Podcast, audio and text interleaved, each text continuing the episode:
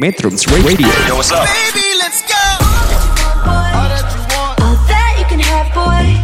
Got me spread like a buffet. Bon night. Now they always say congratulations. Come and strip that down for me. I'm on my way. Girl, come and strip that down for me. Yeah, yeah, yeah, Metrums yeah. Radio, media terintegrasi kaum muda. Selamat malam metronom, berjumpa kembali dalam acara Arah Pandang Bincang Ideologi dan Politik Internasional edisi Kamis tanggal 28 April tahun 2022 dari radio online Metro Bandung di bilangan Jati Handap Bandung. Pada edisi kali ini, metronom selama satu jam ke depan akan bersama saya Desmond dari Forum Studi Asia Afrika. Telah hadir bersama saya narasumber kita pada Kamis petang ini Bung Ian Septiana, seorang akademisi hubungan internasional di Universitas Pasundan, Bandung. Selamat malam, Bung Ian, apa kabar? Ya, selamat malam Bu. Selamat malam Bung Desmond. Eh, apa kabar? Baik, alhamdulillah. Bagaimana dengan Bung Desmond? Alhamdulillah baik, kita sudah memasuki hari-hari terakhir bulan puasa. Dan terima kasih loh ya sudah berbagi waktu untuk metronom pada Kamis petang ini. Kira-kira apa yang akan kita perbincangkan pada Kamis petang ini untuk metronom, Bung Ian?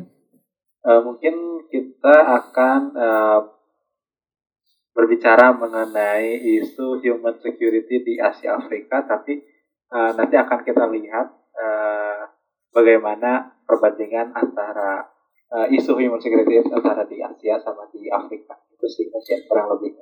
Baik, baik. Menarik ini ya berbicara tentang human security di Asia dan Afrika, lebih khusus lagi di Afrika.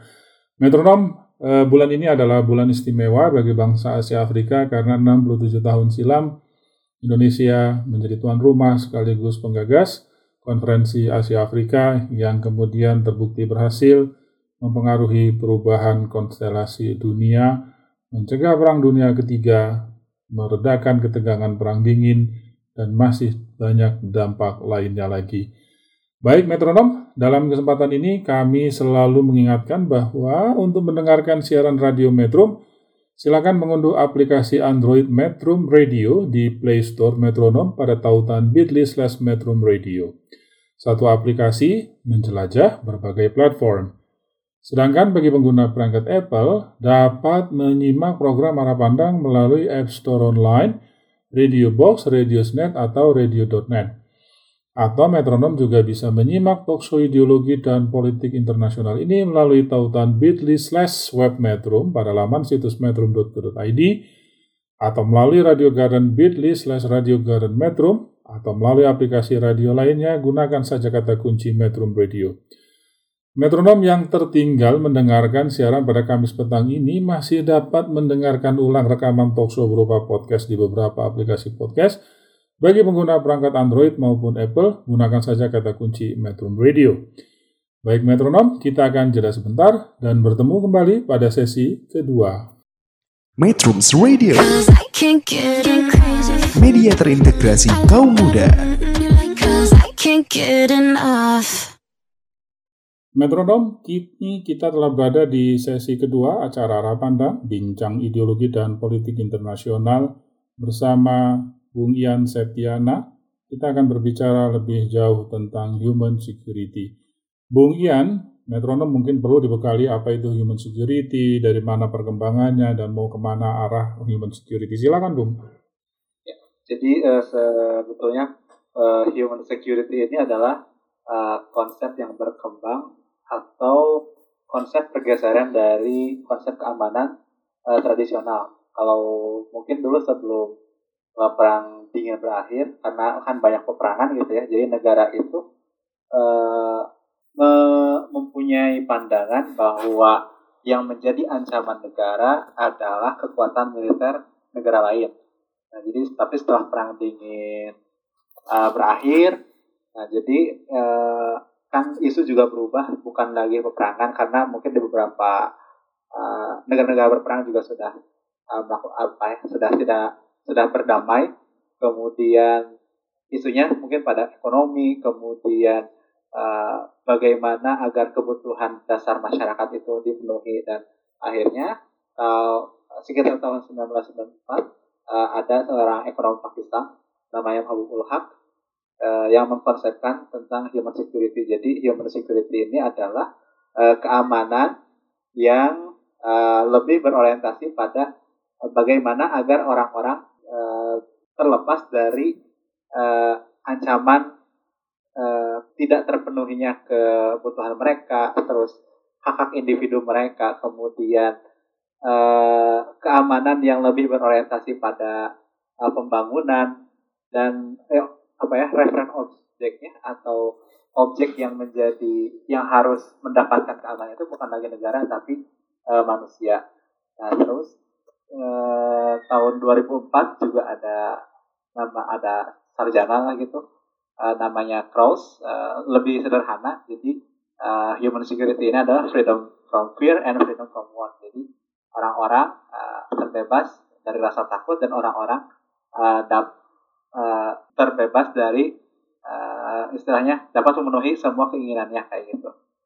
Nah tapi uh, ada ada mungkin uh, pada konsepnya nanti akan ada perbedaan uh, implementasi atau realitasnya ketika uh, di Asia dan juga di Afrika gitu, uh, Bung Desmond kurang lebih uh, hmm. konsep human security ini. Jadi intinya adalah mungkin kalau yang terakhir adalah freedom from want and freedom from uh, fear. Jadi uh, manusia atau orang-orang uh, terbebas dari rasa takutnya dan orang-orang bisa uh, bebas uh, untuk memenuhi keinginannya, termasuk uh, apalagi keinginan dasar kayak gitu. Hmm. Jadi boleh dikatakan kalau negara sebuah negara itu aman, belum tentu rakyatnya aman ya.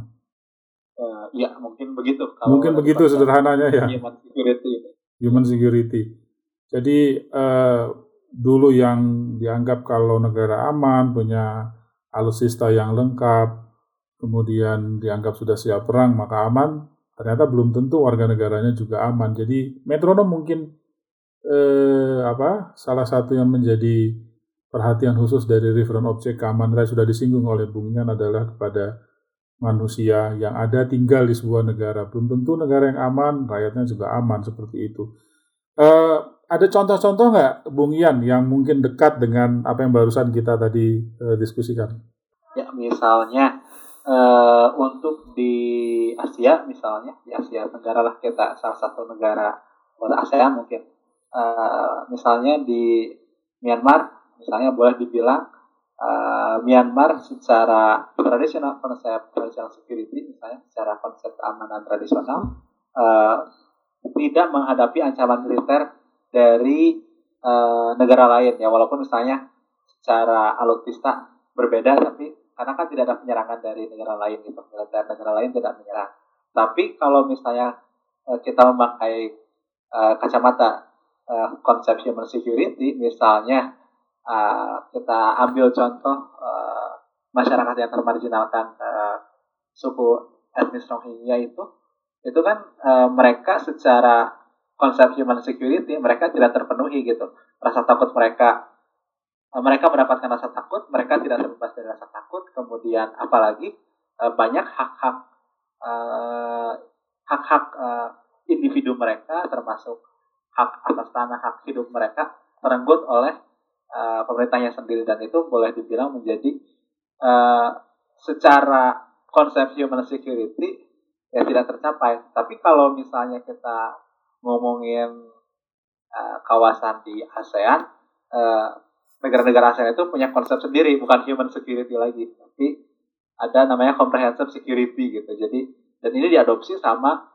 uh, mayoritas negara-negara di ASEAN termasuk di termasuk negara di Asia lain misalnya Jepang. Jadi uh, human security menjadi uh, apa ya? Mereka mengakui adanya uh, ancaman uh, apa referen objek itu bukan cuma negara tapi juga uh, manusianya. Nah tapi comprehensive security itu tetap menjadikan uh, negara sebagai referen objek utama.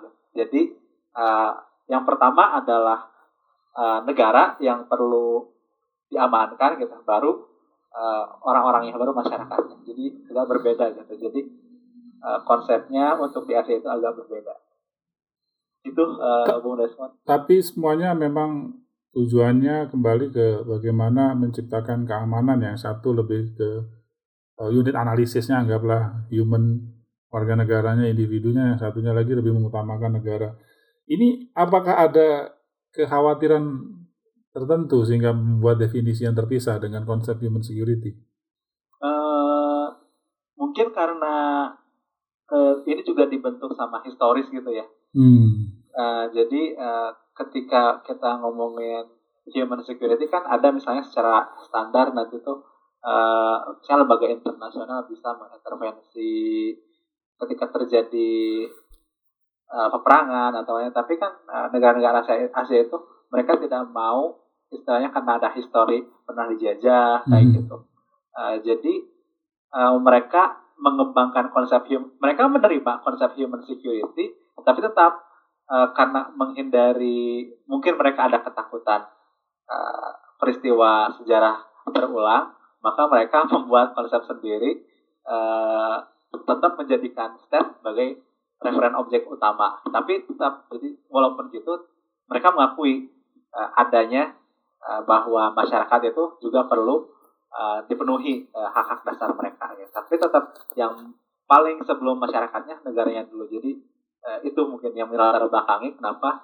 konsep human security uh, agak berbeda menjadi comprehensive security di negara-negara di Asia kayak gitu. Oke, ini uniqueness-nya di Asia ya, yang sangat hierarki hubungan internasionalnya. Bung, jangan-jangan ada kekhawatiran terhadap humanitarian intervention kalau misalnya Sepertinya arahnya ada ke situ soalnya kalau misalnya kita uh, lihat beberapa literatur uh, misalnya uh, literatur yang maksudnya yang masih baru lah misalnya ada dari Melika Balaro tentang uh, tentang bukunya yang berjudul Non Traditional Security Studies ya dibilangnya gitu jadi uh, R2P ini uh, menjadi kekhawatiran ya responsibility to protect itu walaupun memang ada konsen dari negara yang dituju gitu. Tapi ini menjadi kekhawatiran untuk negara-negara di Asia karena ya ada histori itu. Itu sih. Mhm. Kalau nggak salah nih saya nyambung ya di Afrika tuh itu juga dikhawatirkan ya namanya mereka ubah jadi non indifference kalau nggak salah di regional Afrika bener nggak Bung? Iya, tapi sebetulnya kalau di Afrika lebih unik lagi. Jadi Mana tuh? eh, mereka malah justru eh, agak berbeda dengan UN. Jadi misalnya nanti eh, kita ngomongin eh, Afrika, eh, mereka punya satu force tersendiri bisa mengintervensi tanpa mengintervensi satu eh, konflik di sebuah negara, apakah eh, khususnya tentang apa yang berkaitan dengan kriminal peperangan gitu tindakan kriminal peperangan. Jadi ada satu pasukan khusus. Ja- yang bisa terjun mengintervensi tanpa perlu ada persetujuan dari negara yang akan diintervensi itu. Hmm.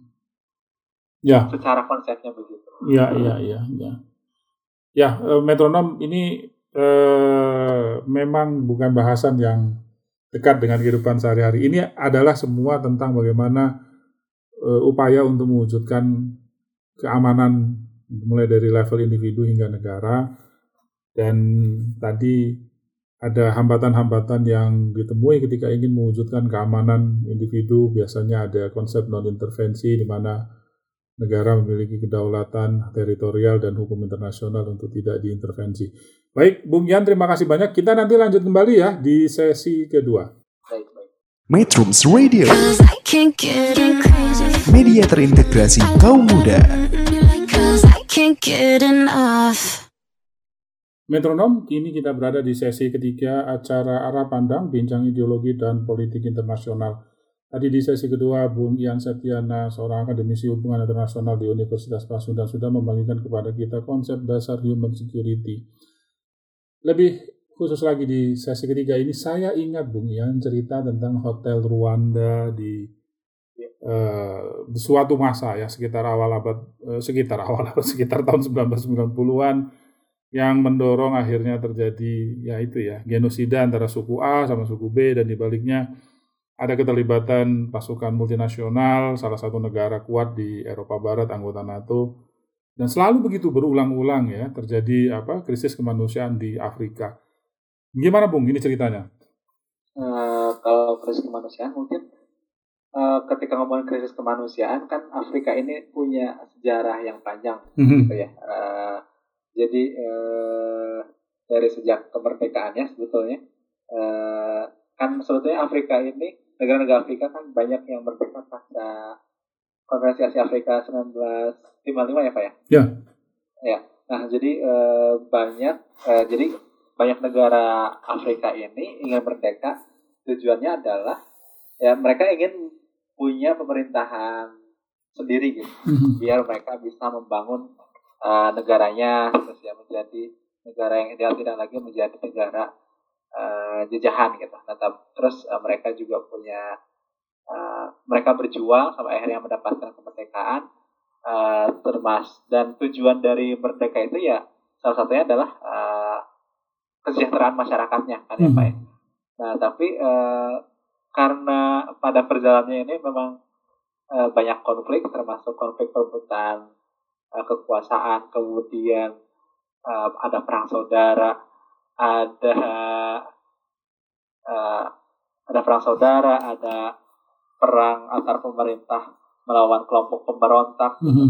Nah, jadi eh jadi seolah-olah jadi eh, akhirnya itu mungkin impian-impian founding fathernya ketika Afrika dibentuk istilahnya ingin, ingin agak apa ya ketika punya pemerintahan sendiri masyarakatnya lebih eh, lebih sejahtera ya jadinya agak jauh gitu pak karena Mhm. uh, selalu ber selalu berhadapan dengan uh, konflik internal gitu konflik uh, di di dalam negeri gitu Mhm. dan uh, ini juga menjadi salah satu apa ya jadi yang mem- yang membawa uh, kondisi negara-negara di Afrika sekarang ini uh, mungkin uh, banyak masih banyak yang uh, secara ekonominya itu dalam kategori miskin gitu misalnya kalau misalnya kita lihat di datanya Unstad aja tuh kayak uh, prosentase dari masyarakat yang bisa meng apa ya bisa me, bisa spending money uh, sat- di bawah 1,9 dolar aja tuh banyak banget gitu terus Mhm. Eh, daya beli masyarakatnya juga eh, 49 juta itu eh, masih sangat di bawah 1,9 dolar per hari. Jadi Mhm.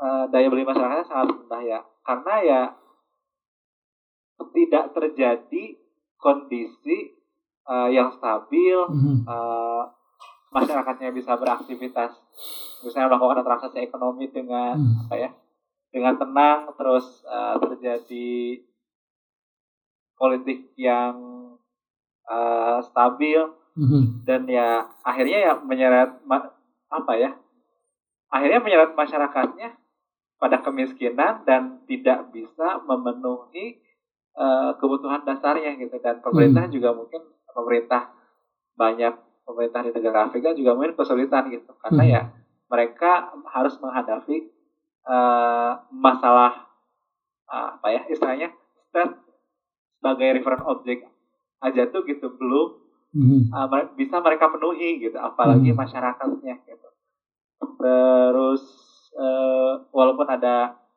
nah dari sini kan sebenarnya dari tahun uh, 1966an ya mungkin Hmm. sampai sekarang kan uh, mungkin perang dan konflik di Afrika itu tuh lebih dari 73 kejadian gitu Hmm. selama rentang waktu itu di berbagai negara Uh, dan ini juga mungkin yang menjadi salah satu eh, beberapa negara Afrika eh, berupaya untuk bisa mengatasi masalah eh, di negara-negara di negara-negara mereka ini eh, melalui apa ya bekerja sama melalui satu eh, lembaga internasional eh, kawasan Mhm.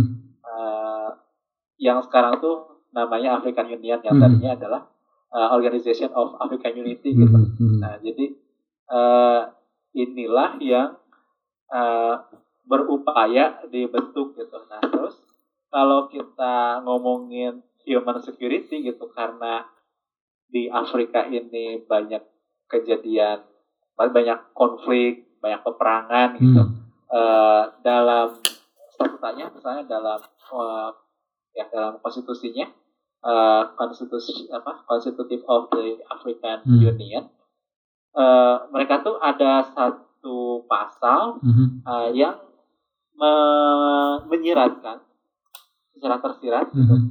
eh, berkaitan dengan human security. Jadi eh, di pasal 4 itu eh, ada satu pernyataan bahwa African Union yang akhirnya terbentuk tahun 2002 itu bisa mengintervensi negara anggota Mhm. agar untuk uh, mencegah tindakan kriminal perang, genosida dan uh, hal-hal istilahnya yang dilakukan oleh negara anggotanya yang bertentangan dengan kemanusiaan. Hmm. Dan dibentuk satu badan, ada namanya uh, African Standby Force dan AS namanya disingkatnya ASF gitu. Dan ASF ini uh, secara kelembagaan, secara secara hukumnya juga bisa eh, melakukan intervensi gitu ketika terjadi eh, istilahnya terjadi ke- terjadi tindakan eh, kriminal perang gitu yang menyebabkan eh, keamanan manusia ini eh, hilang gitu. Di ketika terjadi konflik. Itu Ya. Eh, Uni Afrika ini jadi mirip mirip eh, Uni Eropa ya, ada sharing power gitu, sehingga mereka punya pasal yang mengizinkan lah anggap ya me- melakukan intervensi tanpa concern dari negara yang menjadi reference object. Eh, bahkan ada satu statement katanya ini lebih-lebih dari UN gitu. Kalau UN Oh. aja tuh mereka harus R2P, Mhm. sedangkan itu ya mereka eh, ASF ini Mhm. eh, leb- badan dari Uni Eropa ini mereka bisa langsung intervensi gitu tanpa perlu ada konsen dari negara yang Mhm. eh, dituju gitu. Iya. Dan ya itu sih eh, secara konsepnya begitu. Tapi dan memang ASF ini juga eh, didukung sama eh, negara apa ya? Sama organisasi regional lain, misalnya ada eh, Uni Eropa gitu. Hmm. Terus juga ada de apa sih? eh, pasukan keamanan PBB juga gitu Hmm. Eh, mereka juga didukung tapi ya keunikannya adalah mereka bisa mengintervensi tanpa perlu ada konsen dari negara yang akan diintervensi gitu. Hmm. Terus itu secara secara apa ya? Secara konstitusinya begitu, tapi eh, ini juga ASF eh, ada mendapatkan beberapa kritik gitu Pak dari eh, mungkin dari apa ya, secara kelembagaan gitu. Hmm. Jadi walaupun misalnya eh, mereka bisa me- secara hukum mereka bisa mengintervensi, tapi ada beberapa ada beberapa kejadian di Afrika ya mereka nggak bisa nggak apa ya nggak berfungsi juga misalnya Hmm. ketika berkaitan sama eh, perang di Republik Demok apa, Demokratik Kongo gitu Hmm. itu mereka nggak bisa turun kemudian di Somalia juga mereka nggak bisa nggak Hmm. berfungsi dengan sebagaimana mestinya kemudian di Uganda ketika melawan pemerintah Uganda ya juga ya itu tidak Hmm. berfungsi dengan baik jadi eh, dipertanyakan juga akhirnya sama eh, mungkin beberapa negara anggota di Uni Afrika ini nggak berfungsi sebagaimana, mestinya. Padahal eh, misalnya secara ketentuan bisa intervensi tapi kok untuk negara-negara tertentu nggak bisa gitu. Itu sih yang jadi Hmm. yang kritik eh, sejauh ini ten- eh, fungsi dari ASF ini. Jadi eh, human security-nya berkaitan dengan konflik dibentuk ASF tapi ASF ini juga eh, belum optimal eh, atau ya belum optimal untuk melaksanakan eh, fungsi mereka sebagai eh, badan eh, yang menjalankan human security dalam eh, konflik ini gitu, dalam konflik-konflik di Afrika. Itu sih. Ya, semacam badan keamanan regional itu ya. ya, ya eh, metronom memang pelik sekali ya isu keamanan di Afrika ini, baik keamanan tradisional maupun keamanan non tradisional karena eh, masih ada intervensi kekuatan dari negara anggota NATO, misalnya tadi yang barusan disebut Republik Demokratik Kongo itu ada tentara Prancis ya, gitu. terus ada kehadiran pasukan dari China di sejumlah titik di sekitar Sudan juga. Ini memang eh, pelik ya eh, masalah keamanan di Afrika. Baik Bung Ian, kita tahan dulu, kita ketemu lagi di sesi berikutnya. Metrums Radio, media terintegrasi kaum muda. Can't get enough. Metronom tibalah kita di penghujung acara arah pandang bincang ideologi dan politik internasional. Ini adalah sesi keempat, sesi pamungkas. Pada sesi ini kita masih bersama dengan Bung Ian Septiana. Bung Ian dari konsep keamanan, human security, kemudian ada keunikan tentang comprehensive security di Asia, dan juga ada African Special Forces di Afrika.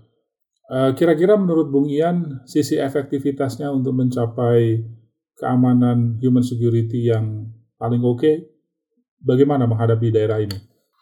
Kalau pendapat saya mungkin eh, pertama eh, tidak ada dualisme konsep yang dipakai gitu. Jadi eh, kalau misalnya memang fokusnya adalah eh, ke human, ke orang, gitu ya, maka mungkin lebih baik tuh ya human security aja gitu. Tidak didampingi embel-embel. Jadi ketika kita ngelihat tadi beberapa uh, kejadian di Asia dan juga di Afrika, uh, akhirnya ya uh, human security yang dikonsepkan itu dan kemudian yang diprogramkan oleh uh, pemerintah ataupun organisasi internasional ya tidak tercapai gitu dan uh, ini yang menjadi uh, kendala. Jadi mungkin untuk di Asia dan Afrika uh, di negara harusnya uh, menggunakan satu konsep yang jelas gitu. Jadi tidak ada dualisme. Jadi negara iya manusianya iya. Kalau Hmm. misalnya mau uh, negara ya ya langsung aja. Apa? Misalnya pakai konsep uh, tradisional gitu. Tapi kalau misalnya mau kita mau fokusnya human ya pakailah konsep yang jelas human security gitu itu sih mungkin itu pendapat saya Ya, ya memang eh, kejelasan ya tentang konsep yang dipakai untuk mewujudkan human security memang harus jelas. Terus eh, apa dualisme pendekatan seperti itu juga bisa beresiko banyak hal. Eh, Bung Ian, pesan bagi metronom tentang eh, human security pada Kamis petang ini. Eh, pesannya adalah eh, mungkin eh, kita tidak ya kita masyarakat biasa gitu tidak punya wewenang. Tapi misalnya karena kita sudah sadar tentang konsep human security maka ketika ada hak-hak orang lain yang harus kita penuhi ya penuhilah gitu. Jangan Hmm. sampai ditunda atau dihalangi. Itu sih mungkin hal yang terbaik yang bisa kita berikan. Apalagi di momen Ramadan ini gitu ya. Hmm, hmm, eh apa ya? Jadi apa yang menjadi hak orang lain ya berikan hmm. jangan jangan sampai kita halangin gitu ya itulah mungkin itu usaha terbaik yang bisa Hmm. kita lakukan Ya. itu sih eh, Bung Desmond untuk Iya. metronom Ini saya tersentuh sekali nih ya, penutup kalimat dari Bung Ian. Baik, metronom, berikanlah sesuai haknya ya. Eh, demikian sesi keempat baru saja berlalu bersama Bung Ian Septiana yang sudah berbincang-bincang bersama metronom pada Kamis petang ini tentang human security di Asia dan Afrika. Eh, artinya perjumpaan kita harus diakhiri di sini. Semoga perbincangan tadi tentang human security bermanfaat bagi metronom sekalian terutama dalam menambah wawasan dan menentukan arah pandang. Kami mengucapkan terima kasih atas kebersamaan metronom selama satu jam berlalu. Semoga sehat-sehat selalu. Sampai jumpa kembali Kamis pekan depan dengan topik-topik yang menarik.